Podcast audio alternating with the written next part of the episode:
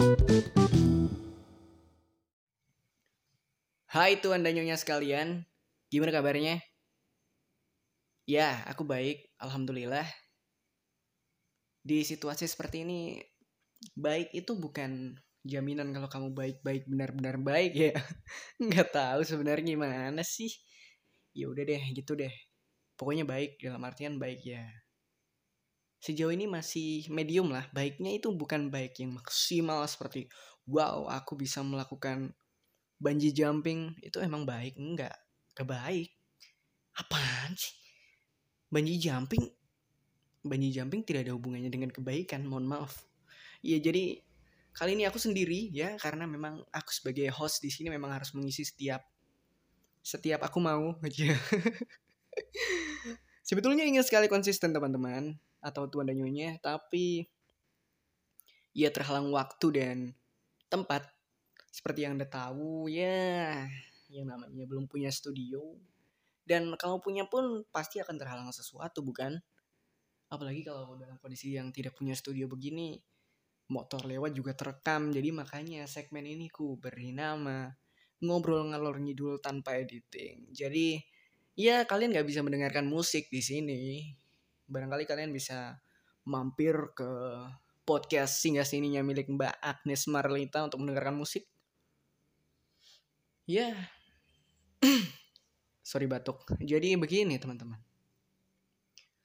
Saya ingin membahas sesuatu yang berkaitan erat dengan kehidupan kita sekarang yaitu adalah pandemi. Ya, saya tahu ini sudah sangat terlambat atau mungkin sangat basi ya topiknya sudahnya. Pandemi sudah setahun yang mengkocar-kacirkan semua jadwal kita dalam hal ya kita tahulah banyak yang batal dalam hidup kita. Seperti mungkin bertemu dengan uh, siapa? Kenapa begitu sih? Jadi begini teman-teman um, ketika kita sekolah dulu kita hanya dijanjikan oh nanti libur seminggu. Kita sedang belajar ramai-ramai kita sedang belajar di rumah dengan harapan bahwa oh minggu depan aku akan ulangan minggu depan aku akan ulangan. Eh tiba-tiba setahun dong sampai kita pindah sekolah ya kebetulan untuk di jenjang akhir misalnya kalian sedang kelas 3 SMP seperti gue dulu tiba-tiba akan ujian nasional eh seminggu libur. Kemudian dapat info bahwa ujian nasional ditiadakan. Feelingku sudah tidak enak teman-teman bahwa wow gila jangan-jangan ini adalah hal yang seakan terjadi sangat panjang begitu dan ternyata benar, ini sudah setahun lamanya dan kira-kira ada apa ya sebenarnya begitu loh. Ini tuh sebuah hal yang harus kita hindari, tapi kita nggak tahu mau hindari apa gitu loh, tahu nggak? Kan itu bisa muncul tiba-tiba seperti oh, mantan wah. Apaan sih? Ya begitu deh. Jadi ya kadang muncul tiba-tiba seperti senyumnya, seperti apa pun yang membuat pikiranmu terganggu, ya, barangkali memikirkan sesuatu yang disebut dengan uh, manusia. Apaan sih? Jadi begini, mengenai pandemi-pandemi yang sudah ada luar sah barangkali atau sudah habis waktunya tapi masih dilanjut terus diperpanjang terus kayak SIM ya SIM Oh ya kemarin aku dengar bahwa SIM itu ternyata perpanjangnya bayar ya. Oh baru tahu aku. Aku kira tinggal ngasih aja terus kita tes ulang terus selesai. Ternyata bayar dong. Ya udahlah, nggak apa-apa. Buat siap-siap kan ya. Jadi gimana ya pandemi ini tuh seperti sebuah Flappy Bird tau nggak? Enggak deh kalau Flappy Bird kita bisa tahu rintangannya kan. Rintangannya paralon. Iya paralon kali gitu ya, bukan dan ini virus men kita nggak bisa lihat virusnya kita cuma bisa cegah dengan pakai masker di mana kita berharap bahwa virus itu nggak bisa ngetok masker terus masuk lewat sela-sela lubang masker yang kadang masih kita buka demi menjaga keamanan udara yang ada di dalam mulut atau hidung barangkali ketika kita sedang berjalan kadang wow capek sekali kemudian kita copot masker lalu saat itulah COVID ini datang. Wah, barangkali begitu. Tapi kan kita cuma berharap bahwa oh, kita bisa meminimalisir gitu. Tapi ya itu bukan jaminan mutu ya, teman-teman. Gimana dong? Tuan dan Nyonya sekalian, kalian tahu bahwa rencana-rencana harus kita rombak ya. Seperti yang tadi kita saya omongkan, bukan kita karena saya sendirian. Sendirian. Ya, sendirian. Jadi bagaimana ya mengenai rencana-rencana ini sebenarnya kita itu sudah melakukan apa sih dalam setahun gitu aku berusaha untuk menjadi yang paling produktif yang mungkin kita beranggapan bahwa ketika di rumah kita akan melakukan semua hal yang kita tidak bisa lakukan ketika ada di luar atau ketika kita dalam kehidupan yang normal seperti dulu. Nyatanya tidak, Tuan dan Nyonya. Sayang sekali tidak, Madam Mose. Wah. Sayang sekali tidak, teman-teman. Kita malah justru saking banyaknya waktu dan tugas yang bisa mencolok sana mencolok sini pada waktu yang tidak kita ketahui secara pasti. Kadang bisa tengah malam, di mana kita mau persiapan untuk nonton atau apa kayak begitu. Tiba-tiba tugas nongol aja gitu kayak kayak apa ya? Kayak kayak dekorator kali? Nggak nggak tahu nggak pernah. Ya udah deh gitu deh pokoknya. Gimana ya tentang rencana ini? Kita sudah ngapain aja di setahun ini gitu. Dengan waktu yang kita nggak bisa atur kita selalu berubah-ubah setiap harinya. Bahkan setiap menitnya juga berubah kadang kita nggak tahu satu menit ke depan akan ada tugas atau tidak. Ini aku lagi ngecek classroom barangkali ada. Gak jadi sorry. Oke hmm, begini. Barangkali kita sedang kebingungan ya bagaimana ya? Apalagi pelajar-pelajar seperti kita mau melakukan hal ini di mana kita biasanya kita memiliki target bahwa wow di rumah aku akan melakukan eh, hal-hal uh, yang tidak pernah aku lakukan pada jam-jam normal seperti dulu yaitu entah itu belajar gitar, entah itu membaca. Ternyata kita hanya apa? Duduk diam, memegang ponsel, mendengarkan Spotify dari bangun tidur sampai malam hari. Ya, Spotify ayo download Spotify yeah. nah ya begitu deh pokoknya dengarkan sesuatu mendengarkan Spotify hanya fokus pada YouTube kemudian apalagi ya um, mendapatkan sesuatu dari internet atau apa pun itu yang positif mungkin negatif juga ada kali ya. Nah ya gitu deh. Pokoknya tapi ternyata enggak semulus itu kita melakukan ini saudara-saudara. Banyak sekali rintangan waktu yang berubah sewaktu-waktu seperti yang saya katakan tadi itu sangat mengganggu tahu nggak sih kamu waktu? Ngomong aja deh kalau misalnya kamu mau ngundur-ngundur hah? Namanya saya takut. Iya orang jangan diambil dong waktu saya tolong. Ya gitu deh. Pokoknya banyak sekali hal yang ingin kita lakukan tapi nggak bisa. Bukannya nggak bisa ya mungkin nggak terlalu banyak atau terlalu banyak pilihan seperti kalian ketika memilih pilihan ganda pada SD dulu kita punya uh, multiple choice yang hanya ABC kemudian SMP ABCD kemudian SMA ABCDE kemudian kita mau apa lagi? Kira-kira nanti kalau misalnya pendidikan dilanjutkan sampai umur 60 tahun barangkali ABCD FG sampai Z teman-teman jadi kita harus memilih di antara 25 kali A sampai Z itu 25 atau 24 sih atau malah lebih ya gitu deh. Oh ya sorry teman-teman baru saja ku jeda. Jadi aku baru saja mendengar suara suara ya suara lah intinya. Terus kemudian kuhentikan. Entah suara apa aku datang tidak ada apa-apa. Jadi begini um, apakah ini sebenarnya kita ini disuruh ngapain gitu loh dalam situasi seperti ini?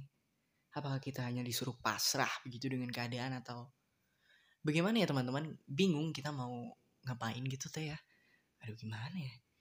Kita sebagai umat umat umat manusia yang yang nggak bisa punya uh, akses lebih dalam hidup untuk mengatur hal-hal beginian hanya bisa menunggu sampai kapan ya? Kita bukan orang penting juga ya. Kita nggak bisa ngatur apa pun kecuali hidup kita sendiri ya. Gimana dong dengan apa sih wishlist kita gitu ketika pandemi ternyata nggak terwujud malahan kita hanya bersantai selama setahun ini apa sih yang kita lakukan?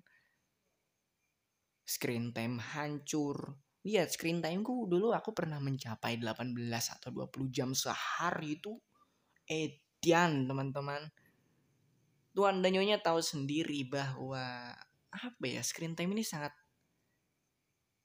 kita itu sudah di ponsel berapa lama sih gitu loh apakah kita ini ini bukan hanya sehari dua hari loh setahun teman-teman aku sendiri merasakan sendiri bahwa kadang pusing, kadang apa itu juga pengaruh dari diriku sendiri begitu kan. Jadi kita nggak bisa mengelak lah ya namanya. Kita tidak bisa mengatur ini semua sesuai dengan rencana kita. Kadang esok hari juga bisa berganti ya. Apa yang akan kita lakukan begitu. Kadang kita besok menjadwalkan untuk renang tiba-tiba hujan kan ya nggak mungkin dong kita renang waktu hujan atau mungkin ya eh hujan-hujan masuk renang gak sih kayaknya masuk deh soalnya kan pakai air tapi nggak bisa kayak katak berarti hujan-hujan tuh renang gak sih Loh ya kenapa ngomongin hujan ya? ya udah gini deh. Uh, kita mau ngapain gitu loh sebenarnya.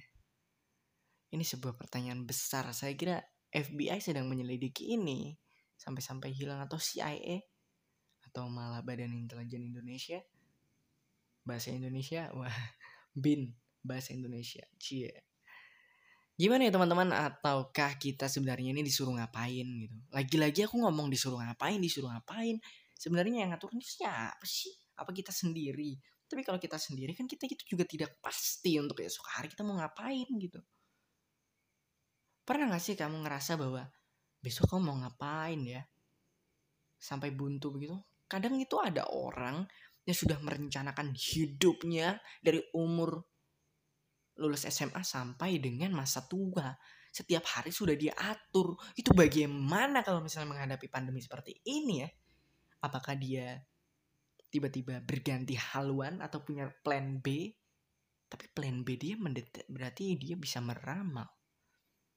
Meramal bahwa pandemi ini akan datang. Keren sekali. Kenapa aku tidak bisa ya?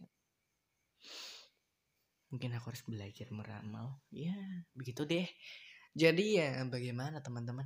Ini bukan solusi sebenarnya aku cuma mau ngomong bahwa cerita ini kita mungkin memiliki sebuah cerita yang sama seperti ini atau kalian nggak ngerasa ya? Atau cuma gue doang? Gua, iya gua. Atau cuma aku doang ya yang kayak gini ya? Atau kalian juga merasa nggak tahu deh saya juga bukan kalian kan oke tuan dan nyonya untuk hal ini mungkin bila kalian ini deh bila kalian ingin membahas ini bersama saya atau kalian ingin membahas sesuatu yang lain bersama saya silakan kalian uh, email ke ananda.afta@gmail.com atau pribadi melankolis@gmail.com atau juga WhatsApp kalau kalian teman-teman saya atau DM di Instagram kalau tidak salah. Wih, mengenai Instagram ini kemarin aku baru saja zero following ya. Saya kira begini, zero following itu tentang eh, bagaimana kita men, me, aku merasa begini sih. Ketika kita di follow seorang, lalu kita pilih dalam memfollow orang tersebut, ya kalau misalnya dia punya karya, kalau misalnya semuanya tidak punya karya, kita tentu harus memilih teman yang teman untuk di follow. Tapi bagaimana jadinya kalau itu semua teman kita? Apa kita harus follow semuanya?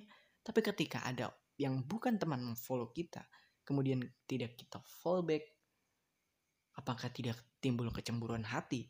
Misalnya ada dua orang sahabat nih, yang follow seorang uh, ada dua orang sahabat cewek yang follow satu cowok dua sahabat cewek ini sama-sama suka sama si cowok ini kemudian mereka berdua follow dan yang cowok hanya memfallback satu ini akan menimbulkan sesuatu yang sangat perang dunia. Mungkin ya walaupun itu bukan jaminan sih cuman meminimalisir hal itu. Seperti yang pernah dikatakan oleh Mas Vino Gebastian yang hanya memfollow istrinya itu benar-benar sangat mengganggu dan seperti bagaimana ya ketika kamu melihat sesuatu yang lewat di beranda kamu akan berlama-lama di sana itu mungkin hanya sebagian orang tapi aku begitu. Makanya aku zero following tapi jangan khawatir teman-teman.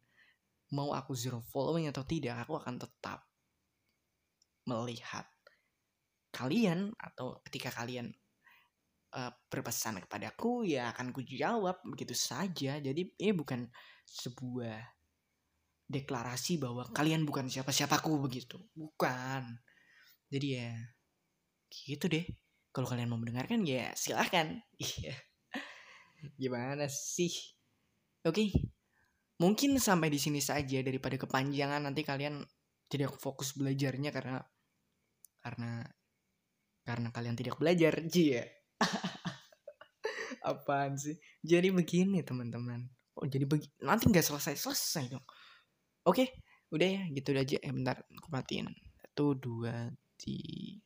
Mana sih tombolnya? Bentar deh. Oke ini.